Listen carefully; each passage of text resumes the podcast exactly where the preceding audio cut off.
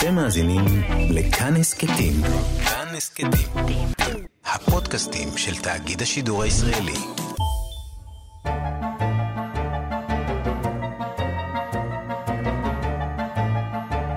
מכירים את הבצלצלים הקטנים האלה שבאים בסלסילות נחמדות? שמם הבוטני הרשמי של בצלי השאלות, כפי שהם ידועים בכל העולם, הוא A קפה, והם קרובי משפחה של השום, הבצל הירוק והקרישה. למרות שככל הנראה מקומם של השאלות הוא באסיה, היוונים הקדומים היו בטוחים שהבצלצלים האלה מגיעים דווקא מהחופים שלנו, פה. כי השם שאלות הוא שיבוש שמה של העיר הכנענית העתיקה, אשקלון.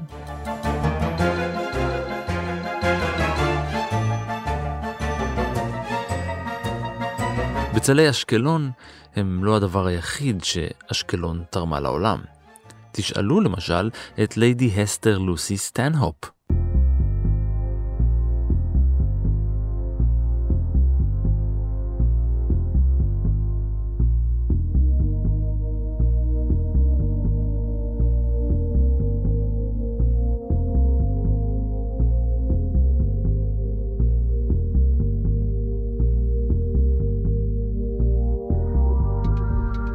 היי, אני רן מנהר ואתם על מנהר הזמן. מדי פרק אנחנו מספרים לכם על מקרה שקרה בעבר מזווית שכנראה עוד לא הכרתם. הפעם אנחנו חופרים על החפירה הארכיאולוגית המודרנית הראשונה שהתרחשה, איך לא, באשקלון.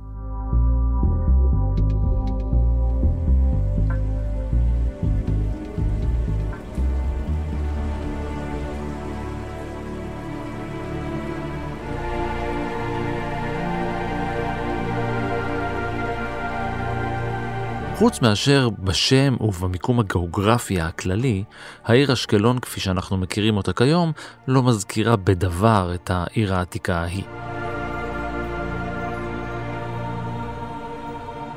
שמה של העיר נגזר מהשורש ש"ק ל, וכיוון שהייתה עיר נמל עתיקה, ככל הנראה היא נקראה כך, כיוון שהייתה מרכז מסחרי מאוד גדול ומוכר, בו היו שוקלים סחורות ומחליפים שקלים.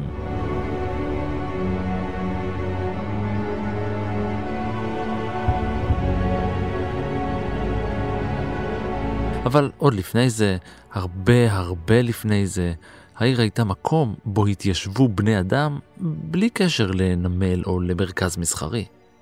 בתקופת האבן החדשה, לפני 8,000 שנה, חיו בני אדם לחוף הים התיכון, אבל לא בקביעות. הם היו מגיעים אל החוף בעונה מסוימת בלבד, מה שמעיד על אופיים של התושבים. הם היו נוודים שהגיעו אל החוף על מנת לעבד בשר ציד ולשמר אותו באמצעות מלח מהים. לצד בורות מים רבים ותנורים פרימיטיביים, ארכיאולוגים שחפרו את המקום מצאו שם מאות אלפי עצמות של בעלי חיים ועשרות אלפי חפצים עשויים מאבני צור.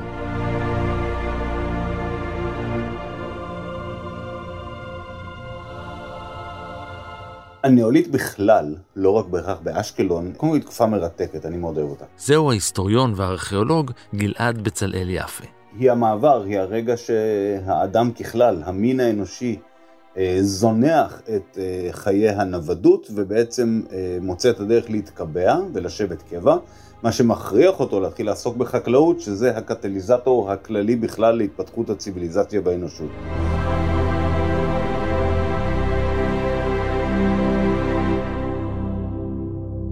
אשקלון עצמה מעניינת בגלל העוצמה של הממצאים, מדברים על בערך מספר של 100 אלף עצמות בעלי חיים, אתה צריך להבין, זה, זה תחום שנקרא, זה תת ז'אנר של ארכיאולוגיה, זה נקרא ארכיאוזואולוגיה.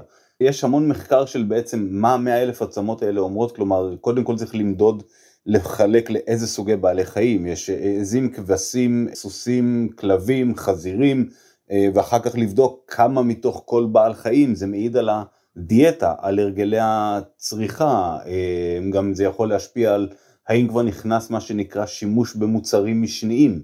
כלומר, אה, אם אתה מגדל עז, אתה יכול להשתמש בה לחלב, אבל אתה יכול גם להשתמש בעור שלה לבגדים ובבשר שלה למאכל ובעצמות לכלים. יחד עם זה באה הכמות הגדולה של הפריטי צור, מעל 20 אלף כלי צור, שזה כולל ראשי חץ, סכינים, אה, להבי מגל, ששוב, אלה כלים שמבטאים פעילות של ציד, במקרה של ראשי חץ, ולהבי מגל זה כבר ממש מבטא פעילות חקלאית, להבי מגל שימשו גם בתור סכינים לחיתוך בשר וגם, כמו שזה נשמע מהשם, אה, מגלים לקציר, כלומר אה, זה מעיד המון על אופי היישוב ובעצם התחכום הגדול של אה, אותם, אותם תושבי אשקלון באותה תקופה. אפשר להבין למה דווקא במקום הזה התפתחה עיר. עם התפתחות האנושות והמעבר מאבנים למתכת בתקופת הברונזה, הלכה והתרוממה מחולות חוף הים עיר מוקפת חומה אדירה. ולא סתם עיר, זו הייתה עיר עצומה ומשגשגת לזמנה, בשטח של כ-150 דונם עם כ-15 אלף איש.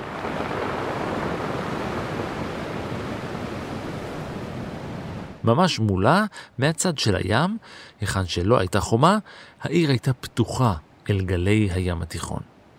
אבל גם מהצד הזה היא הייתה מוגנת. מתחת לגלים, על קרקע הים, מתנשאת שונית טבעית גבוהה שמנעה פלישה ימית אל העיר. זו הייתה עיר כנענית.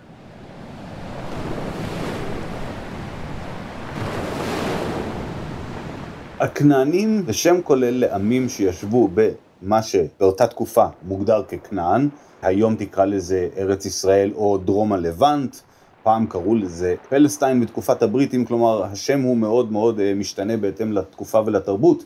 הכנענים עצמם זה לא שיש עם כנעני, זה לא שאפשר להגיד יש כנענים כמו שיש מצרים. זו אסופה של עמים שונים שיושבים במרחב הזה של כנען, וזה מוגדר כרונולוגית אה, בערך, אני נותן תאריכים גדולים, בואו לא נתפס פה למשחקים הכרונולוגיים של הארכיאולוגים עכשיו, נגיד מ-3200 עד בערך 1200 לפני הספירה. זה מה שנקרא תקופת הברונזה, פעם קראו לה התקופה הכנענית. האלים הכנעניים היו אל ובעל, והם היו קשורים קשר הדוק עם דמויותיהם של שברים. בין שאר הממצאים במקום, מצאו הארכיאולוגים גם צלמים ופסלונים של עגלים ושברים. והכל היה אחלה באשקלון הכנענית.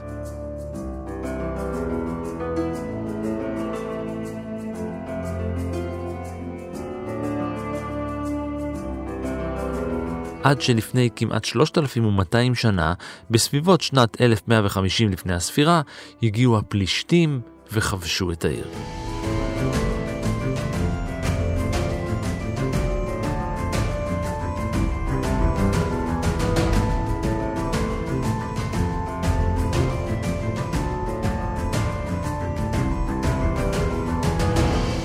הפלישתים בגדול הם עמים שבאים מצפון מזרח אגן הים התיכון. הפרדיגמה עד לפני כמה שנים הייתה שאלה בעצם אגאים, אלה בעצם יוונים קדם קלאסיים שהגיעו לכאן, ויש באמת ממצאים מקבילים, כלומר אפשר למצוא ממצאים, אה, כלי חרס בעיקר, שבאשקלון, אשדוד, עזה, אה, שנראים בדיוק כמו כלי חרס שאתה מוצא בכרתים או במיקנה או באתונה באותה תקופה.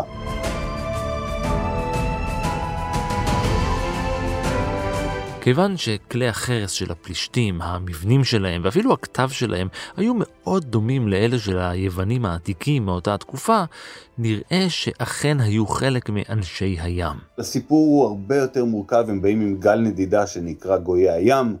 אה, ופעם הפרדיגמה הייתה שהם הגיעו ונלחמו במצרים והם הובסו על ידי רעמסס והוא השיב אותם, אה, בעצם הגלה אותם למה שנקרא דרום כנען, שזו אחר כך התפתחה לפלשת. היום התיאוריה כבר מדברת על דברים אחרים, אבל בגדול כן, אלה אנשים שהגיעו, חלקם מהאזור האגאי, והתיישבו באמת בדרום כנען, מה שאנחנו מכירים בתנ"ך כפלשת, מה שהיום אה, יושב בתוכו אזור רצועת עזה וחלק מדרום שפלת החוף. הם השתלטו על כל רצועת החוף הדרומית של כנען, מגבול מדבר סיני ועד נחל סורק. אשקלון הפכה לאחת מחמש ערי הפלישתים, אשדוד, אשקלון, גת, עזה ועקרון.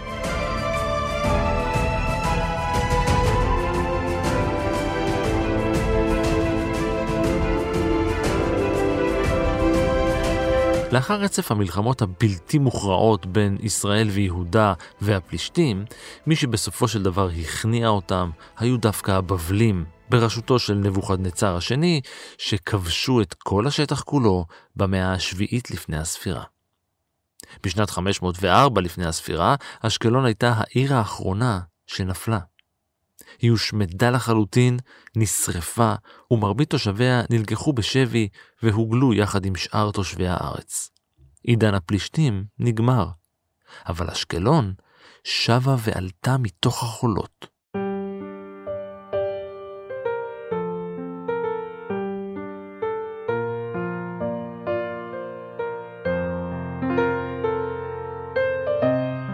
במשך 200 השנים שלאחר הכיבוש הבבלי, השתקמה העיר ונבנתה מחדש. הכובש הפרסי השאיר את אותותיו, והשנים הרבות בהן שלט במקום השפיעו על התושבים.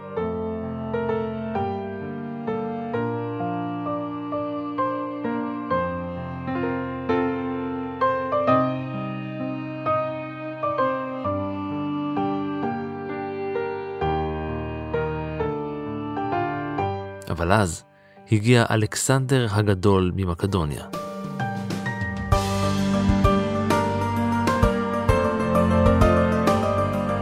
הסיפור שלו די מוכר, אבל uh, אני כן אגיד דבר אחד שתמיד חשוב לי אישית להדגיש על מוקדון. הוא מביא את המושג הלניזם לעולם, ורק לעמוד על מהו ההלניזם בעצם. ההלניזם זו התרבות היוונית בשילוב עם התרבות המקומית. כלומר ההלניזם של אשקלון לא נראית כמו ההלניזם בתיבאי במצרים או כמו ההלניזם בפרס או בבבל. זה תמיד נראה אחרת כי יש השפעה מאוד מאוד רצינית של התרבות המקומית על מי שהגיע. כן, אלכסנדר מוקדון הוא אה, אה, כובש כמובן את כל האזור עד אה, גבול הרי ההימאליה. במסגרת כיבושיו הפך אלכסנדר את אשקלון לאחת מהערים החשובות ביותר בימיה של הממלכה ההלניסטית. על ולצד השונית שבים, הוא בנה בה נמל, והעיר החופשית הפכה למוקד ולשער לסוחרי המרחב.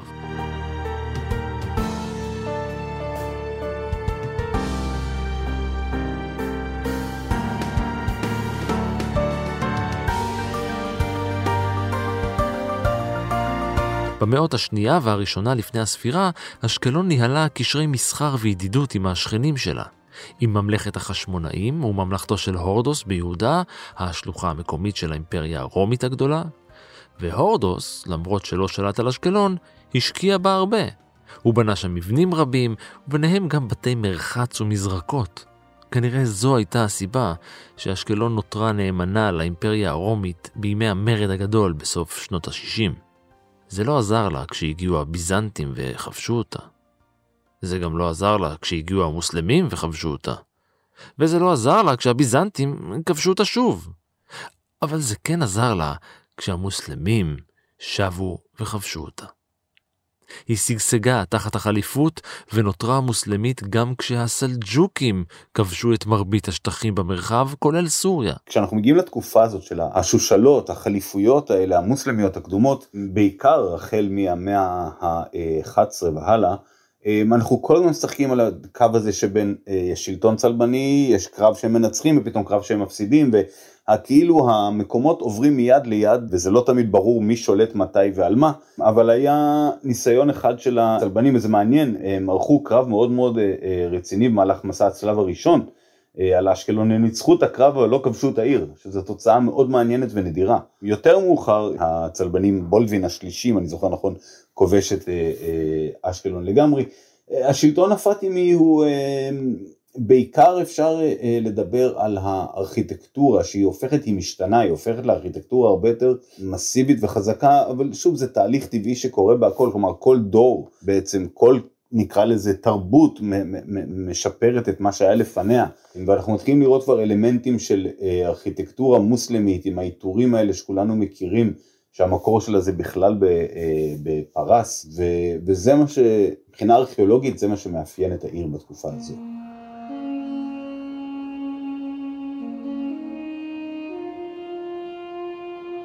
כשהנוצרים החליטו שהם משחררים את ארץ הקודש מידי הכובש המוסלמי, הם יצאו מאירופה ועלו בכוחות צבא במה שלימים נודע כמסע הצלב הראשון.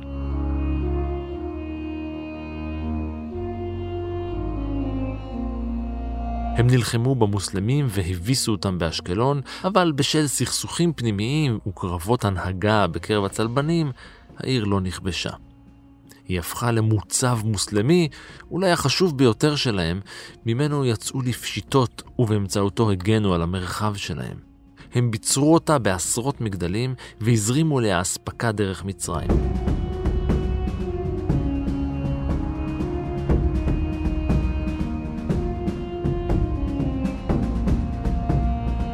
אבל זה לא עזר.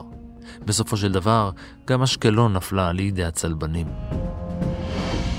ואז שוב לידי המוסלמים, ושוב לידי הנוצרים, וכך שוב ושוב, בכל פעם היא נהרסת מחדש, ונבנית מחדש, משופרת, משופצרת, מבוצרת.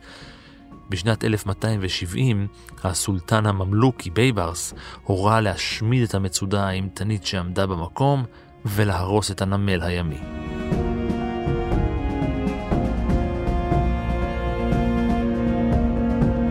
כשהיא מוטלת חרבה, תושביה של אשקלון עזבו אותה סופית.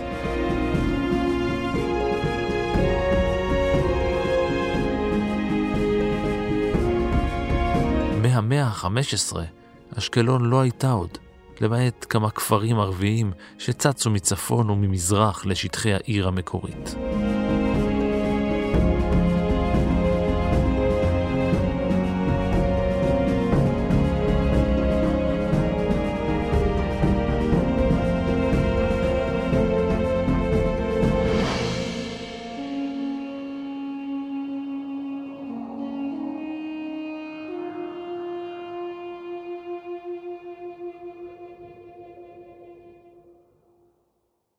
עכשיו, בואו נעזוב רגע את שטחי מישור החוף הדרומי ונעלה צפונה. ממש צפונה. לאירופה.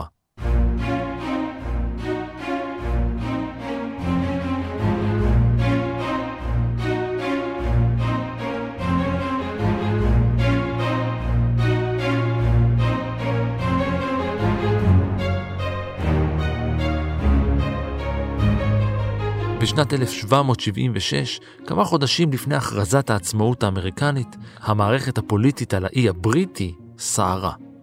בכל זאת, המושבות שלהם ביבשת החדשה מרדו בכתר. אחד הפוליטיקאים הבריטים, הרוזן השלישי סטנהופ, היה צ'ארלס מהון. הוא היה מדינאי ומדען, והוא היה נשוי לליידי הסטר פיט. באותה השנה הביאו השניים לעולם את בתם הבכורה, שקיבלה את השם הסטר לוסי. ליידי הסטר לוסי סטנהופ. היא גרה עם הוריה ואחיה הצעירים עד שהייתה בת 24, אז היא נשלחה לחיות אצל סבתא שלה.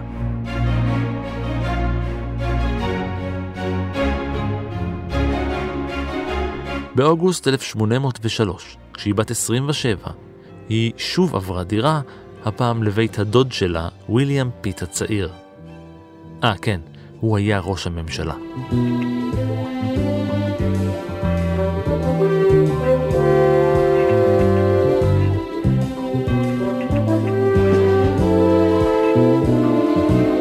ליידי סטנהופ הצעירה הייתה מנהלת משק הבית של ראש הממשלה, שכיוון שהתפקיד שלו היה מאוד מחייב, וכיוון שלא היה נשוי, היה זקוק למישהו שיעשה לו סדר בחיים, גם הפוליטיים, אבל גם החברתיים. והיא הייתה ממש טובה בזה. היא הייתה יפהפייה ומוכשרת, והיכולת שלה לנהל שיחה עם כל אחד עשו לה שם. המשורר הלורד ביירון תיאר אותה כדבר המשוגע הזה, שנינות נשית, שלא ייחסה יותר מדי חשיבות להתנהלות שלה ולרושם שהשאירה בשיחותיה. עם הזמן היא החלה למלא תפקידים נוספים בלשכתו של רועם הצעיר, וכשזה היה מחוץ למשרדו, היא הייתה לוקחת הודעות עבורו. מזכירה פרטית. אבל בינואר 1806 הלך פיט הצעיר לעולמו. למרות שהיא קיבלה קצבה שנתית של 1,200 לירות סטרלינג מהמדינה, ליידי סטנהופ מצאה את עצמה בלי עבודה. ויותר מזה, היא לא ממש מצאה את עצמה. תשאלו מה הקשר לאשקלון? או.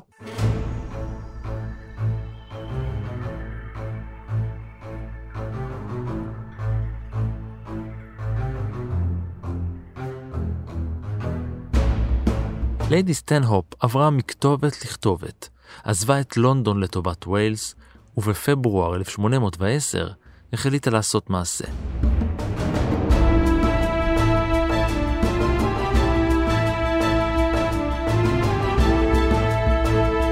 כנראה בעקבות מותו של אחיה, או בעקבות אהבה נכזבת, היא עזבה סופית את האי הבריטי. היא והפמליה שלה יצאו למסע ארוך על פני האוקיינוסים והימים.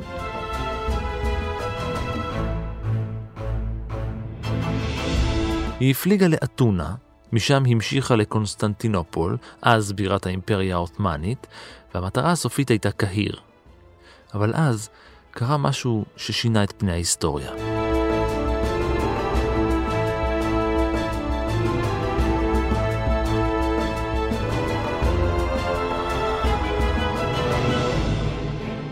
במהלך ההפלגה של ליידי סטנהופ ופמלייתה מיוון למצרים, נתקלה הספינה שלהם בסערה.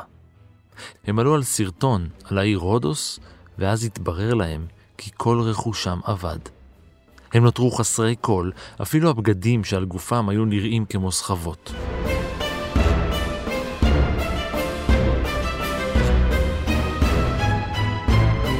בלית ברירה, הם נאלצו לשאול בגדים טורקיים מסורתיים מהמקומיים. אולם ליידי סטנהופ לא הייתה מוכנה בשום פנים ואופן לעטות על פניה רעלה. ולכן היא התלבשה בבגדים של גבר טורקי טיפוסי, חלוק או גלימה, טורבן ולרגליה נעלי בית. וכך הם עלו על אוניית מלחמה בריטית שהביאה אותם סוף סוף לקהיר. ושם, בבירה המצרית, היא השילה מעליה את הבגדים הטורקיים הגבריים והחליפה אותם בחלוק מקטיפה סגולה, מכנסיים רקומים, מקטורן, ז'קט וחרב דקה וארוכה. מקהיר המשיכה במשך שנתיים לגיברלטר, מלטה, חזרה לאיי יוון ולאתונה, היא ביקרה שוב בקונסטנטינופול וברודוס, היא שבה למצרים, נחתה בפלסטינה, והגיעה גם ללבנון ולסוריה, ואפילו לחצי האי ערב. את משיכתה העזה למזרח התיכון היו מי שהסבירו בסיבות מיסטיות.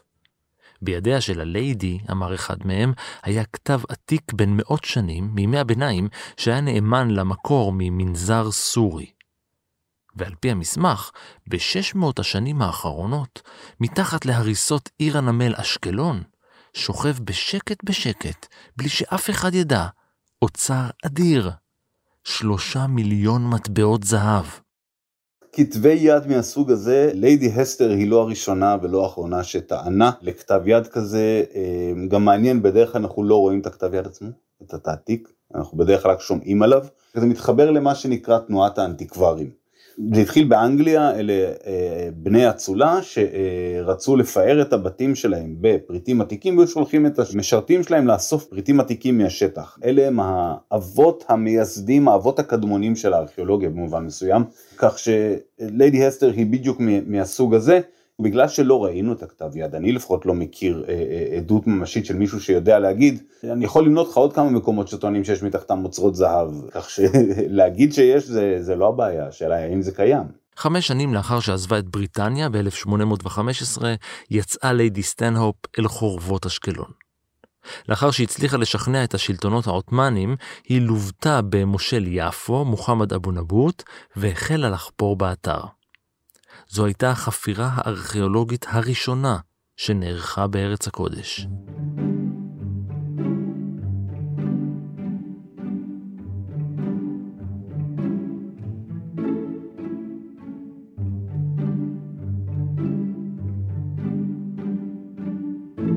אי אפשר להגדיר את מה שליידי הסטר עושה כחפירה ארכיאולוגית, כלומר זה סוג של חפירה אבל היא לא נעשתה בשום צורה מדעית, וזה לא שלא התחילו כבר לעשות דברים יותר מדעיים בתקופה ההיא, כי אנחנו כן מכירים עבודות יותר מדעיות למשל שנעשו בסטון-הנג' באותה תקופה אפילו קצת לפני, כלומר אה, אה, אה, בדיקות תת-קרקעיות יותר מסודרות נקרא לזה. אה, זה יותר אה, חיפוש אוצרות, אה, שלא לומר שוד עתיקות באיזשהו מובן, למרות שקשה להגדיר את זה שוד עתיקות, כי אפילו לעות'מאנים בשלב הזה עוד לא היה את חוק העתיקות שלהם שמגיע יותר מאוחר. כך שהיא לא עוסקת בתיעוד של העתיקות, היא באה בשביל לחפש את השלושה מיליון אה, מטבעות זהב. כלומר, ופה צריך לעמוד על ההבדל, אפילו העבודות, המחקרים של נפוליאון, 15 שנה לפניה במצרים, נחשב קצת יותר ארכיאולוגי ממה שליידי הסטר עשתה. ליידי סטנהופ לא מצאה את האוצר.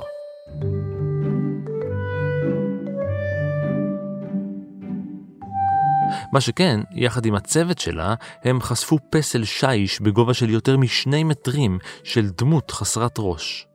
זה היה הממצא היווני-רומי הראשון שנחפר אי פעם בארץ.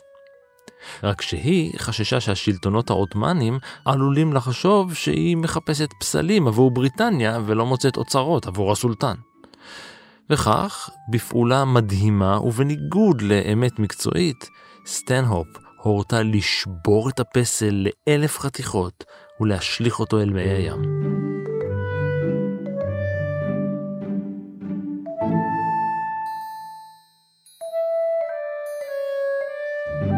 ההחלטה הקיצונית באה מתוך אה, הרצון שלה לשמור על קשרים טובים עם, אה, אתה יודע, עם מי שמאפשר לה את כל הפעולה הזאת, כי היא הייתה צריכה בעצם להוכיח לעות'מאנים שמה שהיא מחפשת זה את האוצר הזה שבמהלך כל האישור שהיא קיבלה היא גם התחייבה שהיא תחלוק את זה עם השלטונות העות'מאנים.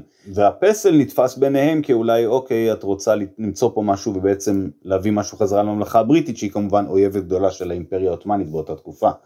כך שבעצם המעשה הזה הוא מעשה סימבולי מבחינתה שבה היא באה להוכיח לשלטונות שמגבים אותה שהיא עובדת לטובתם. עצם המעשה הוא גם בהכרח לא ארכיאולוגי, זה רק מעיד על מה שכבר ציינתי קודם, היא לא מחפשת את העבר, היא לא מנסה להבין או לתעד את העבר, היא רודפת אחרי אוצרות. אה, האם אנחנו רואים את הפסל הזה, מכירים, תשמע, לפי התיאורים של איך שהיא ניפצה אותו, אני חושב שיהיה קשה מאוד למצוא אותו, קח בחשבון 200 שנה של שחיקה תת ימית של החלקים האלה, אני לא מכיר עדויות לקיומו של הפסל, למרות שאני מודה שזה נשמע לי יותר אמין מהשלוש מיליון מטבעות זהב שנמצאים מתחת לאשקלון. את החפירות ניהלה ליידי סטנהופ בצורה שיטתית, והן תועדו בקפידה.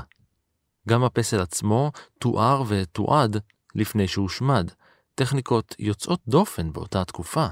אני חושב שהיא סוללת את ההבנה אצל העות'מאנים לחשיבות של העתיקות בארץ ישראל. הסלילת דרך לחפירות הארכיאולוגיות השיטתיות המסודרות, לשיטתי, להבנתי, לאיך שאני רואה את ההיסטוריה של הארכיאולוגיה, היא נעשית קצת מאוחר יותר, 30-40 שנה מאוחר יותר, עם וויליאם מתיו פלינדרס פיטרי, האגיפטולוג המפורסם. אבל הקשר הזה, ההבנה של השלטונות העות'מאנים לגבי מה קורה מתחת לאדמה והיכולת לשתף פעולה עם אנשים מבחוץ בשביל לחשוף את אותם עתיקות, אני חושב שזה כן אפשר אה, אה, לתת לה קרדיט על המהלך הזה, אה, וזה אה, חשוב לא פחות, כי זה כמובן פותח את הדלתות לכל המשלחות הבריטיות שמגיעות אחר כך, אה, שוב, כמו שאמרתי, פיטרי, או אפילו אה, מקליסטר שחופר בגזר, שלא לדבר על משלחות מאוחרות יותר שחופרות אה, אה, במגידו, שומאכר ואמריקאים בשיקגו. ככה אני מבין ורואה את הדברים, את ההשפעה של אה, הסטר על, אה, על ארכיאולוגיה של ארץ ישראל. אתם מוזמנים לצפות באשקלון הישנה ההיא בעצמכם. גן לאומי אשקלון הוא מסביב לאתר עצמו, הייתי שם לא מעט פעמים גם עם הילדים, משפחה, אה, הוא אתר נהדר, הוא נורא נורא יפה, נורא מסודר, נורא נוח. הם חלקים שעדיין נחפרים כי חפירות נמשכות שם בחלק ה... מה שנקרא המקראי הפלישתי, יש חפירות שנערכות כבר מעל 20 שנה שם, חפירות חשובות מאוד. אז אה, זה לפעמים סגור חלקית, אבל יש שם המון המון מסביב שיש לראות ו- ולהבין את היחס בין האתר לים אה, והחשיבות של העיר בתור עיר נמל, שלא סתם כולם חזרו לכבוש אותה, בין אם זה הכנענים והפלישתים ומוקדון, פאטימים, כל מה שדיברנו, זה מקום נהדר לטייל בו, אני מאוד ממליץ.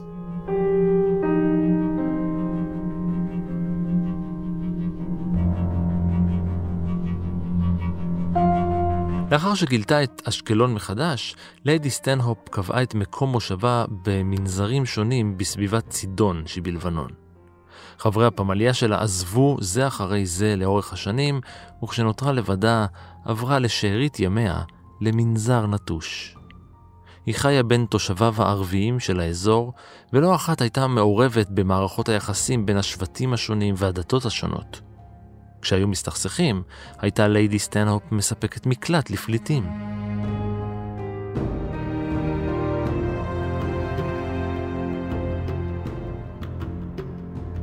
כל מאמציה רוקנו את חסכונותיה, וכשנגמר לה הכסף, היא לקחה הלוואות מהמקומיים.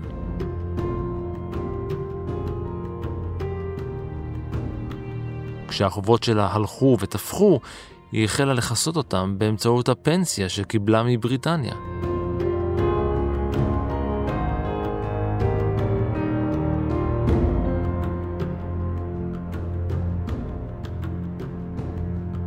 בשנות ה-30 של המאה ה-19 היא התכנסה יותר ויותר בתוך עצמה, התנתקה מהעולם הסובב אותה והפכה מתבודדת.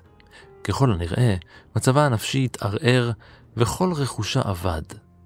המשרתים שלה ועובדי משק הבית גנבו אותו.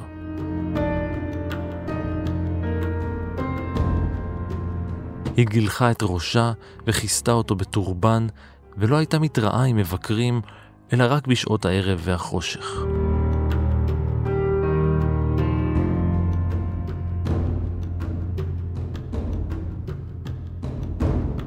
הארכיאולוגית פורצת הדרך הלכה לעולמה בשנת 1839, בגיל 63.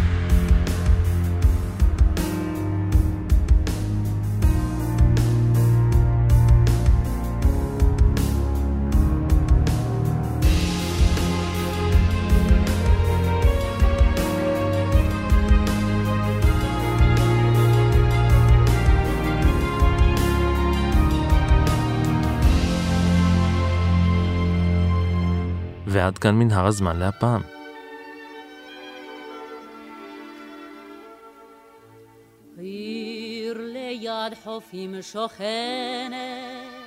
תודה לגלעד בצלאל יפה. תודה גם לאור מנהר שחשף אוצר והיה על ההפקה, ולאייל שינדלר שקצץ שלוט והיה על העריכה. ופניה למחר. עוד סיפורים מההיסטוריה ופרקים אחרים של מנהר הזמן מחכים לכם כל העת באתר שלנו, באפליקציה כאן, בכל יישומון הסכתים אחר, וגם באפליקציית הרכב של כאן. אתם מוזמנים להמשיך ולעקוב אחריי ברשתות החברתיות, בפייסבוק ובטוויטר, להגיב, להעיר, ובעיקר להתחבר. אשקלון, אשקלון תבורכי אשקלון. אני רן מנהר, נשוב וניפגש בפרק הבא. כי מלאו חוצותייך ברום אשקלון